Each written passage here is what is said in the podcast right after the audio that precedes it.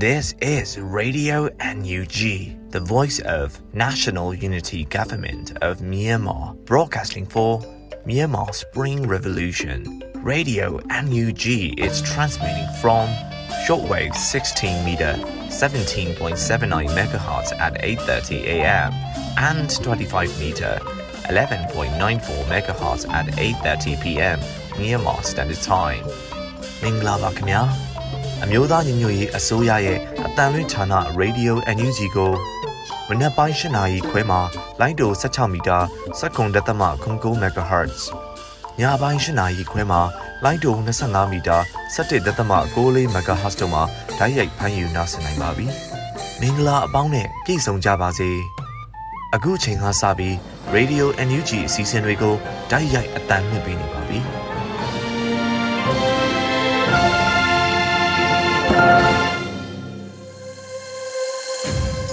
မင်္ဂလာညချမ်းပါခင်ဗျာ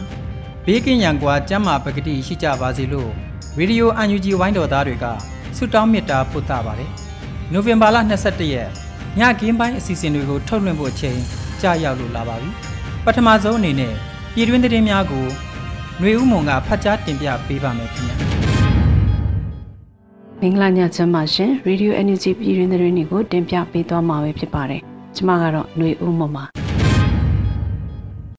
နယူးဒေါ်လာအတွက်ပြည်သူများထည့်ဝင်မှုနဲ့ဒေါ်လာရန်ပုံငွေများကိုစနစ်တကျစီမံခန့်ခွဲသုံးစွဲလျက်ရှိတယ်ဆိုတဲ့သတင်းကိုဥစွာတင်ပြပေးပါမယ်။နယူးဒေါ်လာအတွက်ပြည်သူများထည့်ဝင်မှုနဲ့ဒေါ်လာရန်ပုံငွေအမေရိကန်ဒေါ်လာတန်တရာခန့်ရရှိထားပြီးစနစ်တကျစီမံခန့်ခွဲသုံးစွဲလျက်ရှိတယ်လို့စီမံကိန်းဗဏ္ဍာရေးနဲ့ယင်းနှိမ့်မြုံနယ်မှုဝန်ကြီးဦးတင်ထွန်းနိုင်ကအသိပေးပြောပါတယ်။နွေမာလာအတွင်းကျင်းပတဲ့စီးပွားရေးစစ်မျက်နှာတိုက်ပွဲဆိုင်ရာလူထုတွဲဆုံဆွေးနွေးပွဲမှာဝန်ကြီးဦးတင်ထွန်းနိုင်ကဆိုခဲ့တာပါ။ ကျွန်တော်တို့ဒေါ်လာအင်အားစုတွေလိုအပ်တဲ့ဗဏ္ဍာရမှုရရှိရဟာလည်းမဖြစ်မနေအရေးကြီးပါတယ်ပြည်သူတွေရဲ့ဒေါ်လာရေးအောင်စိမ့်နဲ့ယုံကြည်စွာထည့်ဝင်လိုက်ပါမှုကြောင့်ဒီကနေ့အချိန်ထိဒေါ်လာရမှုငွေအမေရိကန်ဒေါ်လာတန်တရာခန့်ရရှိထားပြီးတော့စနစ်တကျစီမံခန့်ခွဲသုံးစွဲလျက်ရှိကြောင်းသိပေးတင်ပြလိုပါတယ်လို့ဝန်ကြီးကဆိုပါတယ်မြို့သားညီညွတ်အစိုးရဟာထုငွေတိုင်းစာချုပ်များရောင်းရငွေနဲ့ EOD share များရောင်းရငွေတွေကိုဒေါ်လာရေးအတွက်အသုံးပြုလျက်ရှိပြီးတော့ကာကွယ်ရေးသုံးစရိတ်ကို95ရာခိုင်နှုန်းထိသုံးစွဲလျက်ရှိနေပါတယ်ရှင်။ မြေအောင်လိုင်းကိုလက်နက်ဝဲပေးတဲ့ခရိုနီတွေရဲ့နောက်ကျောင်းရာဇဝင်အားလုံးကိုနိုင်ငံတကာကိုပေးပို့ထားတယ်လို့ပြည်ထောင်စုဝန်ကြီးဒေါက်တာဆာဆာပြောဆိုတဲ့အကြောင်းအရာကိုတင်ပြပေးကြပါမယ်။နွေမာလာအတွင်းကျင်းပတဲ့ CDF မတူဘီရေပေါ်များအတွက် CDF မတူဘီ Fundraising Committee မှာရမငွေရှာဖွေခြင်း Light Charity Concert မှာပြည်ပဆိုင်ရာပူးပေါင်းဆောင်ရွက်ရေးဝန်ကြီးဒေါက်တာဆာဆာကအခုလိုပြောကြားခဲ့တာပါ။မြေအောင်လိုင်းလက်နက်ဝဲမယ်ဆိုသူကိုယ်တိုင်ဝဲလို့မရဘူး။သူ့ကိုဝဲပေးတဲ့ခရိုနီတွေရှိတယ် ဒါတွေကိုမြန်မာပြည်မှာရှိတဲ့ခရိုနီတွေအားလုံးနောက်ကျောင်းကိုကျွန်တော်တို့ကလိုက်ထားပြီးဖြစ်တယ်။နိုင်ငံတကာကိုဒီအချက်လက်တွေပို့ထားပြီးဖြစ်တယ်။ရေးယူတန်းခတ်ပိတ်ဆို့တာတွေရှိတယ်။ဒါကလည်းလေရင်ပုံကျဲချင်းရော့သွားအောင်လုပ်နေခြင်းဖြစ်တယ်လို့ဝန်ကြီးကဆိုပါတယ်။အော်တိုဘာလအတွင်း American ဘဏ္ဍာရေးဝန်ကြီးဌာနအောက်မှာရှိတဲ့နိုင်ငံရခြားပိုင်ဆိုင်မှုထိန်းချုပ်ရေးရုံးဟာလူပုဂ္ဂိုလ်သုံးဖြစ်တဲ့ဦးအောင်မုံမြင့်ဦးလှိုင်မုံမြင့်ဦးမျိုးသစ္စာနဲ့အတူ Dynasty International Company Limited တို့ကိုမြန်မာဆီယနာရှင်ဖွဲ့စည်းအတွက် ရုရှားတို့စစ်လက်နက်များကိုဘီလာရုစ်မှတဆင့်ဝယ်ယူပေးရမှာ၎င်းတို့ရဲ့အခမ်းကဏ္ဍအတွက်သမရရဲ့အမိတ်အမှတ်1434အရာအရေးယူဆောင်ရွက်ခဲ့ပါသေးတယ်ရှင်။ဂျမ်ဘတ်စစ်ကောင်စီကတော်လင်းကိုဖြုတ်ခွဲရန်နီလန်းမျိုးစုံနဲ့ကြိုးပမ်းလာတယ်လို့ပြည်ထောင်စုဝန်ကြီးဒေါက်တာဇော်ဝေဆိုသတင်းစကားပါတဲ့အကြောင်းအရာကိုလည်းတင်ပြပေးချင်ပါတယ်။မြန်မာ20ရက်မြို့သားညီညွတ်ရေးအစိုးရဂျာကာလဒေသနာပြည်သူ့အချိုရေးဖော်ဆောင်မှုဗဟိုကော်မတီနဲ့ထူးအချိုရေးဒေသပြည်သူ့အချိုရေးဖွဲ့များတွဲဆုံဆွေးနွေးရမှာ ဝန်ကြီးကအခုလိုဆိုခဲ့တာပါစစ်ကောင်စီဟာတော်လိုင်းဖြူခွဲရန်နီလမျိုးစုံနဲ့ကြိုးပမ်းလာတာကြောင့်အဖွဲ့ဝင်များအချင်းချင်းစီလုံးညီညွတ်ကြရန်ဖြစ်ကြောင်းတော်လိုင်းရဲ့အရေးကြီးဆုံးမှာစီလုံးညီညွတ်ခြင်းနဲ့ပြည်သူလူထုအားလုံးပါဝင်မှုဖြစ်ကြောင်းလုပ်ငန်းများဆောင်ရွက်ရာမှာလုံခြုံရေးအထူးသတိပြုပြီးချိတ်ဆက်ဆောင်ရွက်သွားကြရန်နဲ့စီမံခန့်ခွဲမှုကိုစနစ်တကျဆောင်ရွက်သွားရန်ဖြစ်ကြောင်းဝန်ကြီးကဆိုပါတယ်။ဒါအပြင်မြေပြင်ရှိပြည်သူများရဲ့ကြုံတွေ့နေရတဲ့ခံစားမှုတွေကိုတွေ့မြင်နေရပြီး တော်လေးကိုပိုင်ပိုင်နိုင်နိုင်နဲ့အကောင့်ထဲပေါ်ကျော်လှသွားရမယ်လို့ဝန်ကြီးကထပ်လောင်းပြောကြားခဲ့ပါတယ်။စီဝေးကိုအထူးအုပ်ချုပ်ရေးဒေသမှပြည်သူ့အုပ်ချုပ်ရေးဖွဲ့ခေါင်းဆောင်များဖွဲ့ဝင်များနဲ့သက်ဆိုင်ရာဝန်ကြီးဌာနများမှဝန်ကြီးများဒုတိယဝန်ကြီးများရဲတဲ့တွဝင်များညွှန်ကြားရေးမှူးချုပ်များညွှန်ကြားရေးမှူးများတက်ရောက်ခဲ့ကြပါတယ်ရှင်။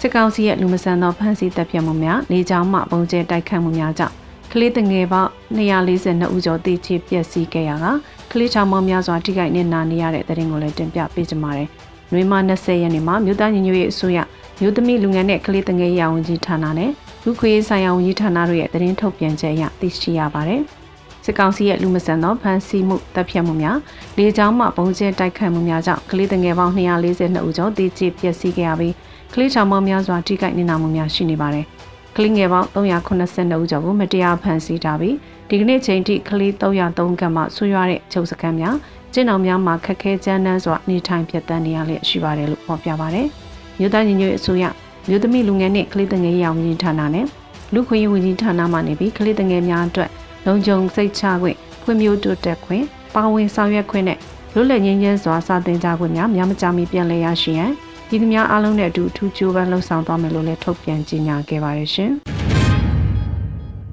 ဖက်စစ်စစ်တပ်ဟာသတင်းတူတွေပြပြီးတော်လိုင်းအင်အားစုများထံကသတင်းမှန်ရရှိအောင်နီလန်ပေါင်းစုံအသုံးပြုနေရလဲသတိပြုသင့်တယ်လို့ NUG Press Secretary အသိပေးဆိုတဲ့အကြောင်းအရာကိုဆက်လက်တင်ပြပေးပါမယ်။ဖက်စစ်စစ်တပ်ဟာသတင်းတူတွေပြပြီးတော်လိုင်းအင်အားစုများထံကသတင်းမှန်ရရှိအောင်နီလန်ပေါင်းစုံအသုံးပြုနေရလဲသတိပြုသင့်တယ်လို့ NUG Press Secretary ဦးနေဖုံးလက်ကနှွေမာလာတွင်ကျင်းပါတယ်ပြည်သူတော်လှန်ရေးထောက်ပို့မိသားစုစကားဝိုင်းအစီအစဉ်မှာပြောကြားခဲ့ပါတယ်။ဟိုဘက်ကကျွန်တော်တို့စီကသတင်းချက်လက်ကိုနီလန်ပေါင်းစုံနဲ့ရဖို့ကြိုးစားတဲ့အခါမှာသတင်းတူတွေပြပြီးတော့သတင်းမှန်တွေထွက်လာအောင်လုပ်တဲ့နီလန်လည်းသုံးတတ်တယ်။ဒါလည်းသတိထားစီခြင်းနဲ့တချို့ဟာတွေကြတော့လေသူတို့ကမများပဲကိုကသတိမထားပဲအချက်လက်တွေတင်မိသွားတတ်တယ်လို့ဆိုပါတယ်။ ဒါ့အပြင်လူမှုကွန်ရက် social media အသုံးပြရမှာဒေါ်လာရာစုများအနေနဲ့ဖုန်းနံပါတ်၊နေရာလိပ်စာတို့ကိုအလွယ်တကူပေးပို့ခြင်းမပြုရန်လည်းအရေးကြီးတယ်လို့ဆိုပါတယ်ရှင်။ကလေးတမှုလမ်းပိုင်းမှာအချိန်မရွေးနေရာမရွေးတိုက်ပွဲဖြစ်ပွားနိုင်တာကြောင့်လမ်းပိုင်းဆိုင်ရာကိုအများပြည်သူအသုံးပြုခြင်းမှရှောင်ရှားရန်အသိပေးထားတဲ့သတင်းကိုလည်းတင်ပြပေးပါမယ်။စကိုင်းတိုင်းကလေးတမှုလမ်းပိုင်းမှာအချိန်မရွေးနေရာမရွေးတိုက်ပွဲဖြစ်ပွားနိုင်လို့လမ်းပိုင်းဆိုင်ရာကိုအများပြည်သူအသုံးပြုခြင်းမှရှောင်ရှားဖို့နွေမာလ21ရက်နေ့မှာ Ranger Click Defense ဘုကတရားဝင်အသိပေးကြေညာပါတယ်။ကလေးတမှုလမ်းပိုင်းမှာအချိန်မရွေးနေရာမရွေးတိုက်ပွဲဖြစ်ပွားနိုင်သည့်အတွက်ဒီမပြည်သူများအနေဖြင့်အတော်အလားလုံးဝလုံးဝမပြုလုပ်ကြပါရန်သတိပေးအပ်ပါတယ်လို့ဆိုပါတယ်။ဂျမ်ဖတ်စစ်တပ်ဟာစကိုင်းတိုင်းကိုနေမြေဆိုးမှုမှုရရှိရန်အင်အားလုံးကျုံအသုံးပြုကမြေပြင်ဝေဟင်စစ်စေးများကိုဆင်နွှဲလျက်ရှိနေပါတယ်ရှင်။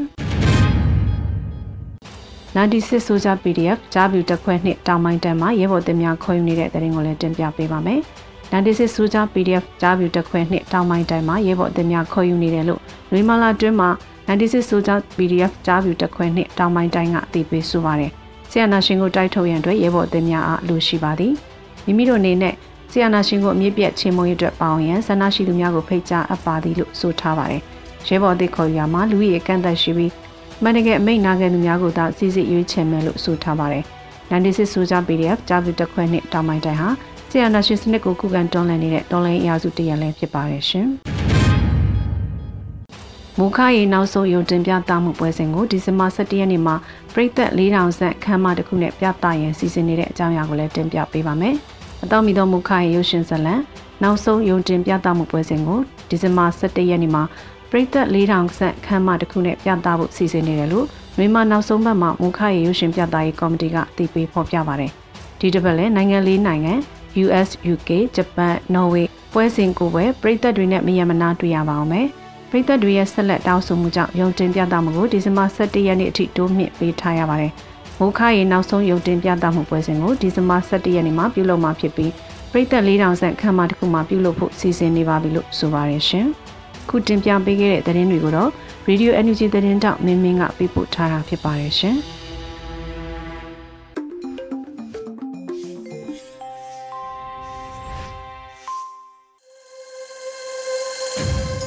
Radio UNG ရဲ့နိုဝင်ဘာလ22ရက်ညပိုင်းစီစဉ်တွေဖြစ်ပါတယ်။တည်င်းများနားဆင်လို့အပြီးမှာမိုးလေဝသအစီအစဉ်ကိုထုတ်လွှင့်ပေးပါဦးမယ်။ရက်တရပတ်မိုးလေဝသခန့်မှန်းချက်ကိုအေရီကတင်ပြပေးတာနားဆင်နိုင်ပါပြီခင်ဗျာ။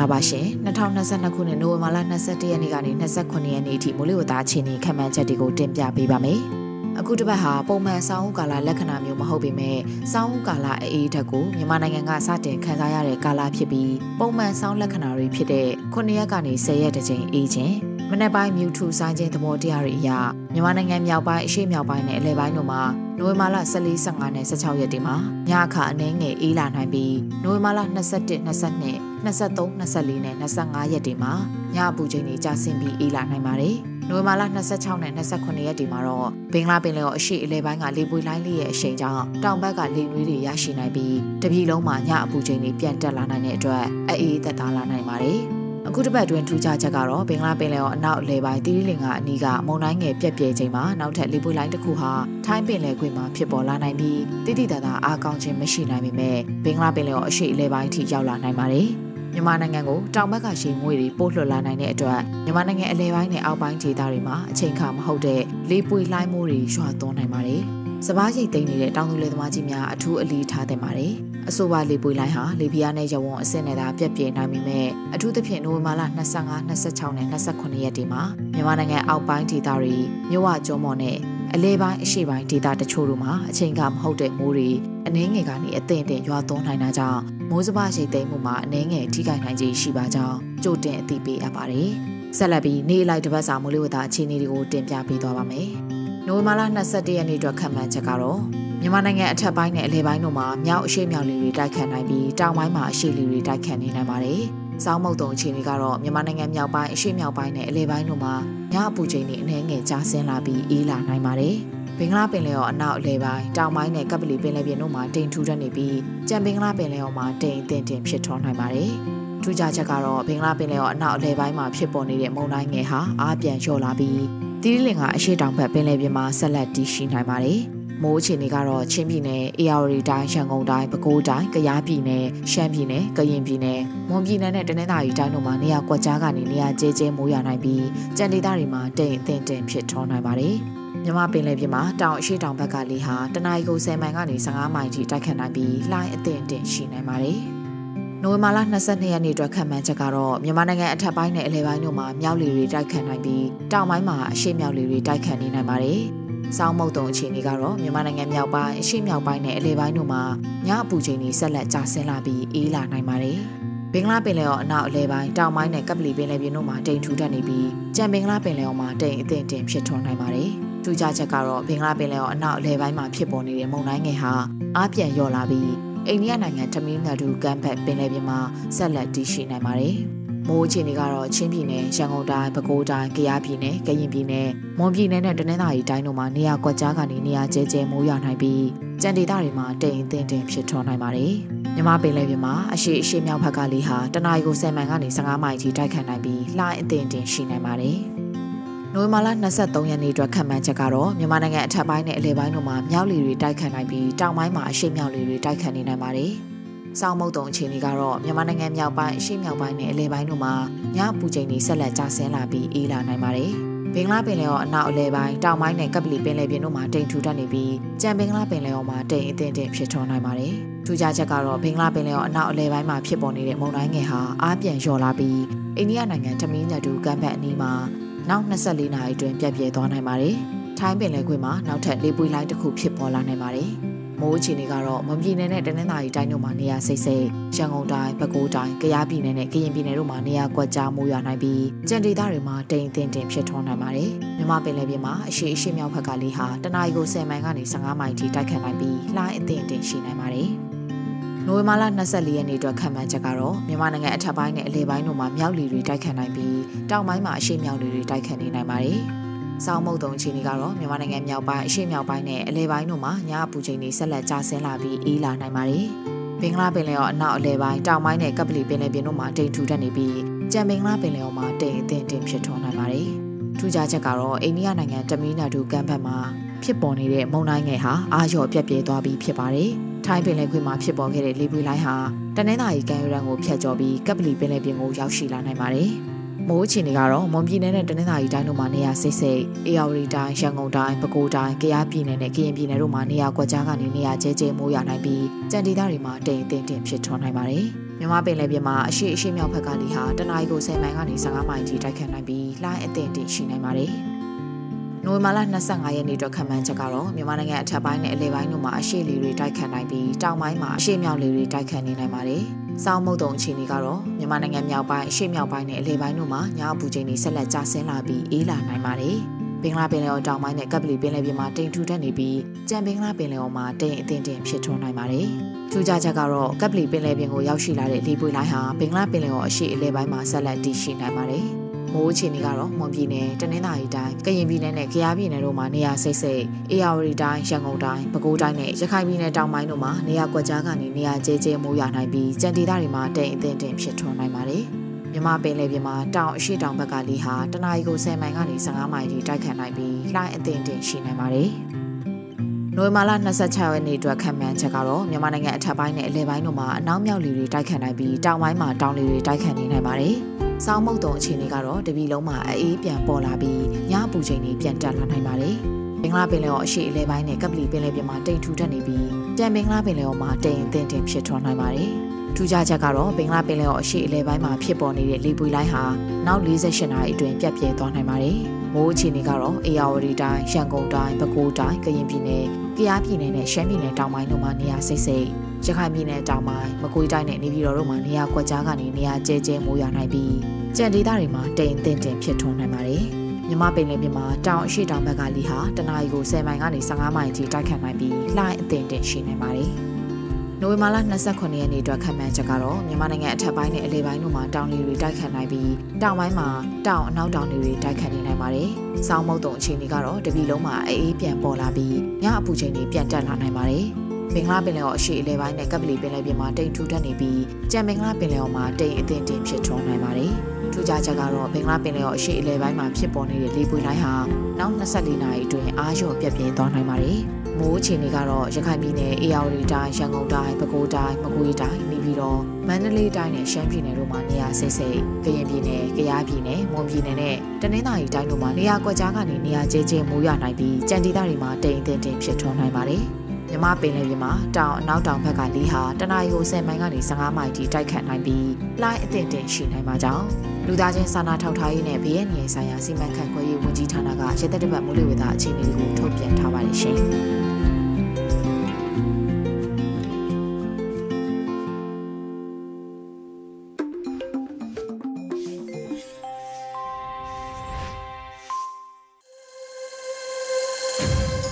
တက်လက်ပြီး ပြင်ပဆောင်းပါးတစ်ပုဒ်ဖြစ်တဲ့မြန်မာနွေခရိုနီကယ်နိုဝင်ဘာလ20ရက်နေ့မြင်ကွင်းဆောင်းပါးကိုနားဆင်ရအောင်မှာပါ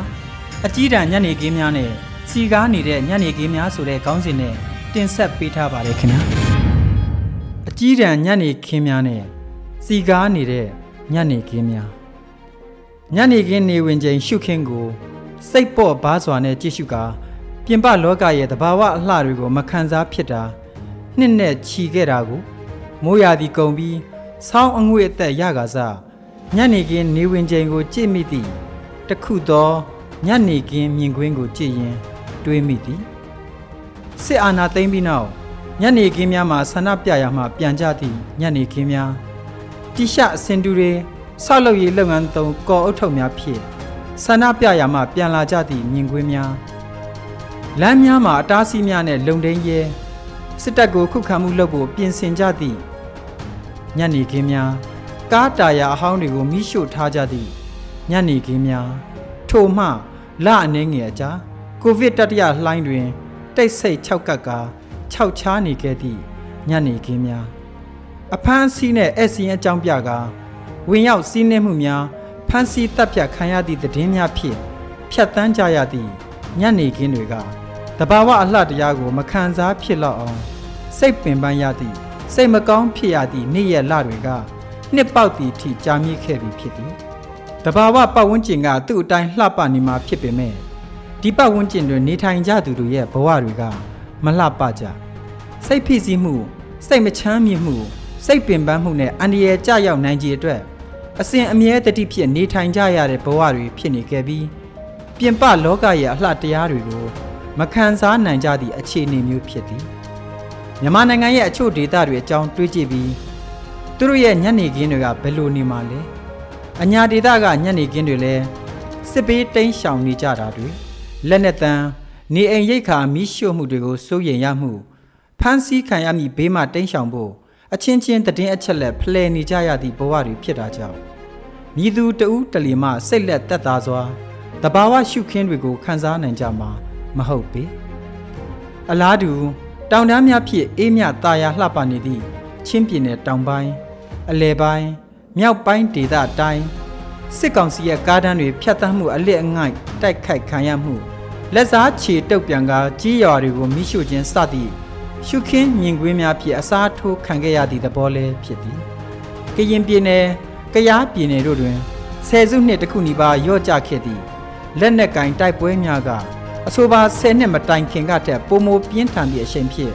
တောက်လောင်လာခဲ့သည့်နောက်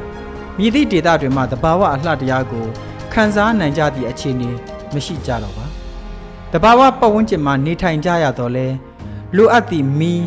အမိုးအကာဆေးဝါးစသည့်အရာများမရှိဘဲနေထိုင်ကြရခြင်းဖြစ်သည်တနည်းအားဖြင့်နေအိမ်များမှတိမ်းရှောင်ကာတောထဲတောင်ထဲသွားရောက်နေထိုင်ကြရခြင်းဖြစ်သည် တဘာဝပတ်ဝန်းကျင်တွင်အပန်းဖြေဖို့လာရောက်နေထိုင်ကြသည့်အဖြစ်မျိုးမဟုတ်ဘဲရွာမှာအိမ်မှာနေထိုင်ခဲ့လျင်ကြာရောက်နိုင်သည့်အသက်ဘေးကြောင့်တဘာဝပတ်ဝန်းကျင်တောထဲတောင်ထဲတိမ်းရှောင်ကြရသည့်အနေအထားလက်နဲ့အမြောက်ဆန်လေကြောင်းတိုက်ခိုက်မှုတွေကိုအမြဲမပြတ်နားဆွင့်နေကြရသည့်အခြေအနေမျိုးတွင် နေထိုင်ကြရခြင်းဖြစ်သည်တို့ရာတွင်မြို့နယ်ကြီးလက်ဒေသတွေကအစဉ်အမြဲမတူညီသည့်အခြေအနေကွာခြားမှုရှိနေစေဖြစ်သည်မြို့တွေမှာဘုံကွဲမှု ပြစ်ခတ်မှုများကြိုကြားကြိုကြားရှိသည့်တိုင်ကြီးလက်ဒေသတွေလိုနေအိမ်မိရှို့ခံရမယ့်အရေးစားနာရိတ်ခါမိရှို့ခံရမယ့်အရေးကြည်နဲ့အမြောက်ဆန်ကြမယ့်အရေးစိုးရိမ်မှုမရှိကြပေအဖမ်းခံရနိုင်ခြင်းနှိပ်စက်ညှဉ်းပန်းခံရနိုင်ကြတော့ရှိတော်လဲမတိမငြိမ်ဖြစ်နေသည့်ကြီးလက်ကဘဝတွေနဲ့နှိုင်းယှဉ်ရင်များစွာကွာခြားနေသည်ကို တွေ့နိုင်သည်စစ်အာဏာသိမ်းပြီး18လ19လအကြာရန်ကုန်မြို့တွင်လမ်းမကြီးတွေပေါ်တွင် စစ်တပ်ကင်းချသည့်နေရာ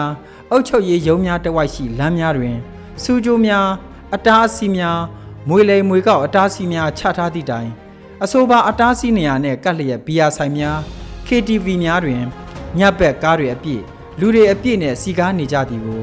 တွေ့ရသည်ပြီးခဲ့သည့်ရက်ကညဘက်အပြင်မှအပြန်မြင်ရသည့်မြင်ကွင်းကရန်ကုန်မြို့၏ညနေခင်းကငကိုအနေထားအတိုင်းဒီပါပြန်ရောက်နေသလိုတွေ့မြင်လိုက်ရသည် လှဲတန်းလန်းစုံကြော်လာသည့်အခါစံရိတ်ငိမ်ဘူဒါယုံလန်းဒုက္ခ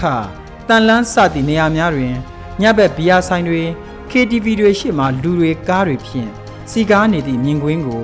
တွေ့ခဲ့ရသည်မကြာခဏပြစ်ခတ်မှုဘုံဖောက်ခွဲမှုဖြစ်လေရှိသည့်လှိုင်မြို့နယ်တွင်ပင်ဘီယာဆိုင် KTV များစီကားလျက်ရှိသည်ကို တွေ့ရမည်ဖြစ်သည်အလားတူတမိုင်းပါရမီလမ်းတစ်လျှောက်မယန်းကုန်းမြို့နယ်ကပါရမီလမ်း ကံရိပ်သာလမ်းတင်ကန်းကျွန်းရတနာလမ်းတစ်လျှောက်ကြောက်ကုန်းကဘာရေးလမ်းတစ်လျှောက်ဘီယာဆိုင်တွေမှာညဘက်ဆိုကားတွေလမ်းတစ်ဖက်နှစ်ချက်အပြည့်နီးပါးရပ်ထားကြသည့်မြင်ကွင်းတွေကရန်ကုန်မှာသူ့လူဒန်းစားအလှော်လိုက်အစဉ်ပြေသုံးဆွဲနိုင်ကြသည့်အနေအထားကို မြင်တွေ့ရမည်ဖြစ်သည်လူရက်မှုလူသက်လူရက်မှုလိုရာဇဝတ်မှုတွေကနေ့စဉ်လိုလိုဖြစ်ပွားနေကြတော့လဲလူစီကားသည့်လမ်းမများနေရာများတွင်တော့ဘာမှမဖြစ်သလိုစိုးရိမ်စရာမရှိသလို ညနေခင်းတွေကစီကားနေမြဲဖြစ်သည်ရာဇဝတ်မှုခင်းတွေကလူအသွားအလာပြတ်သည့်လမ်းတချို့ရက်ွက်တချို့မှာစက်ပိန်းနဲ့သွားလာသူဆိုင်ကယ်သို့မဟုတ်ချီချင်းအလုံးမှပြန်သူတွေကိုပြစ်မှတ်ထားလူရက်နေကြခြင်းဖြစ်သည်ကိုပိုင်ကားဖြစ်သွားလာသူများအဖို့တော့အတိုင်းတာတစ်ခုထိအန္တရာယ်နှဲပါနေစေသဘောလည်းဖြစ်သည်လက်နက်ကင်တော်လန်ရေးနယ်မြေစိုးမိုးရေးထိမ့်ချုပ်ရေးနဲ့အုပ်ချုပ်နိုင်ရေးကြိုးပမ်းမှုတွေရှိနေသည့်တိုင်ရန်ကုန်မြို့ မန္တလေးမြို့အပါအဝင်မြို့ကြီးတွေမှာတော့ပြစ္ဆုတ်ပံကြကြလက်တွေဘဝမှာအသက်ရှင်ရပ်တည်ဖို့အတွက်အသက်မွေးဝမ်းကြောင်းလုပ်ကိုလုပ်နေကြသူများရှိတယ်လို့ငွေကြေးချောင်လေသူစီးပွားရေးအခွင့်အလမ်းကောင်းသူတွေကလည်းစားတောက်ဆိုင် KTV စသည့်အပန်းဖြေရာနေရာများတွင် စီကားနေသည့်သဘောဖြစ်သည်တည်င်းတွေမှာပါရှိသလိုမြန်မာနိုင်ငံတဝန်းလုံးစစ်ပေးဖောက်ခွဲမှုတိုက်ခိုက်မှုများနေ့စဉ်ဖြစ်ပျက်နေသည့်အနေအထားမျိုးမဟုတ်ဘဲ ပုံမှန်အနေအထားလိုမြင်ရသည့်နေရာများလည်းရှိနေပြီဖြစ်သည်မြန်မာနွေခရိုနီကယ်နိုဝင်ဘာလ20ရက်မြင်ကွင်းမိုးမခ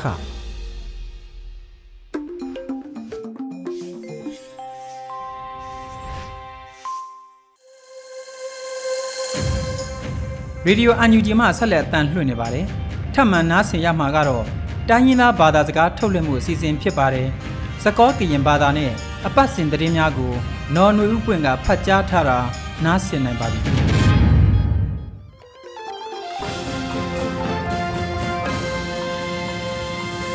ဟာလေဝေကိုရတဲ့အစိုးရတော့ကွမိပါတူလို့အန်ယူချီကွဲလေးလို့အထရက်ထက်ကလေးနီလို့အခဲအီကပါဖလာထော်နေသူတနွေအတော်ပူတာကစောနေလို့ရဲရီမီမီနော်နွေဥပွင့်နေလို့တာကစောခတိတီမီဝဲတာဘွာလပါတာဖောခါတဖာ ပါတာပလာလကေယထေရှာဂာဤပမီထွာလပယောတုစောတလေတာလီနီကမဝဲဖတ်တို့အေထူကကုတုတော်စင်မအောင်ဟိပလောဝဲတာရင်းနီတော့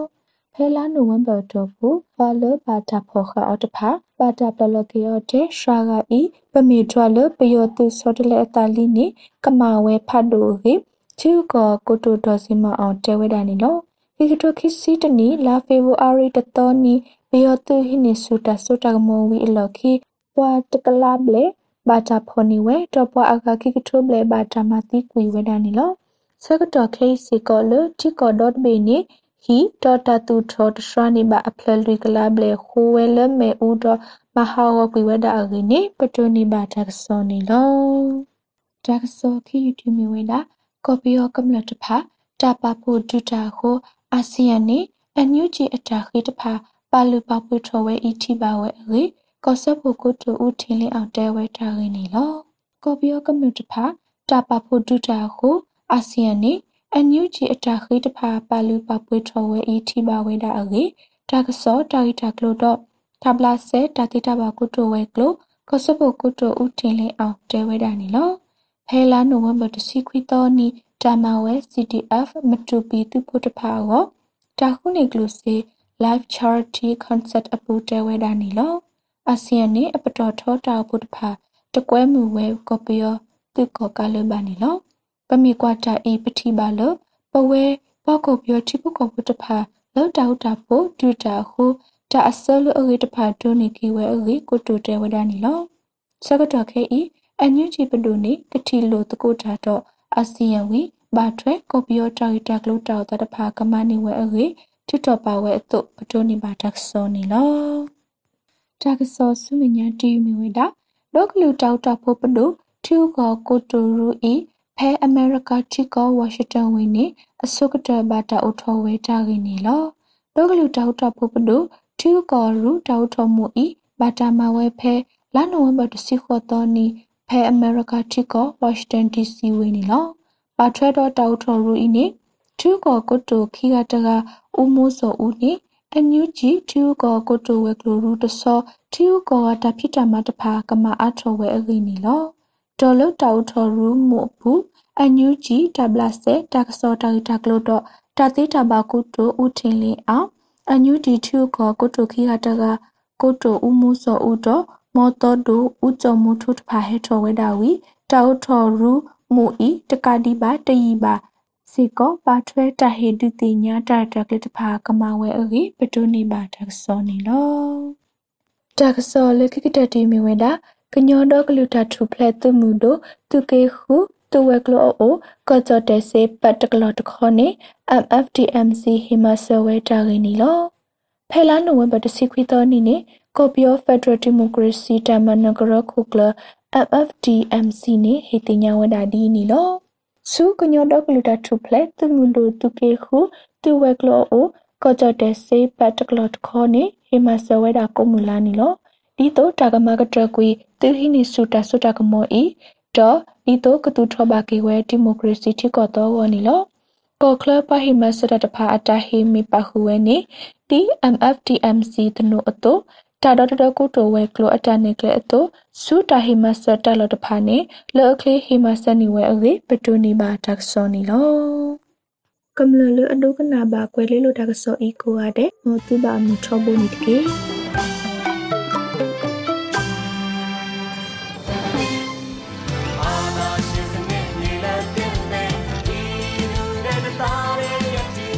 ဒီကနေ့ကတော့ ဒီညနေပဲ Radio NUG ရဲ့အစည်းအဝေးကိုခਿੱတရနာလိုက်ပါမယ်။မြန်မာစံတော်ချိန်မနက်၈နာရီခွဲနဲ့ည၈နာရီခွဲအချိန်တွေမှာပြန်လည်ဆုံးဖြတ်ကြပါစို့။ Radio NUG ကိုမနက်ပိုင်း၈နာရီခွဲမှာလိုင်းဒို16မီတာစက္ကန့်တသမ9 MHz ညပိုင်း၈နာရီခွဲမှာလိုင်းဒို25မီတာ17သမ6 MHz တို့မှာဓာတ်ရိုက်ဖမ်းယူနားဆင်နိုင်ပါပြီ။မြန်မာနိုင်ငံသူနိုင်ငံသားများကိုယ်စိတ်နှပြကျန်းမာချမ်းသာလို့ဘေးကင်းလုံခြုံကြပါစေလို့ Radio NUG အဖွဲ့သူအဖွဲ့သားများကဆုတောင်းလိုက်ရပါတယ်။အမျိုးသားညီညွတ်ရေးအစိုးရရဲ့စက်သွေးရေးတရင်အချက်အလက်နဲ့ဤပညာဝန်ကြီးဌာနကထုတ်လွှင့်နေတဲ့ Radio NUG ဖြစ်ပါတယ်။ San Francisco Bay Area အခြေစိုက်မြန်မာမိသားစုများနဲ့နိုင်ငံတကာကစေတနာရှင်များလှုပ်အားပေးများရဲ့ Radio NUG ဖြစ်ပါတယ်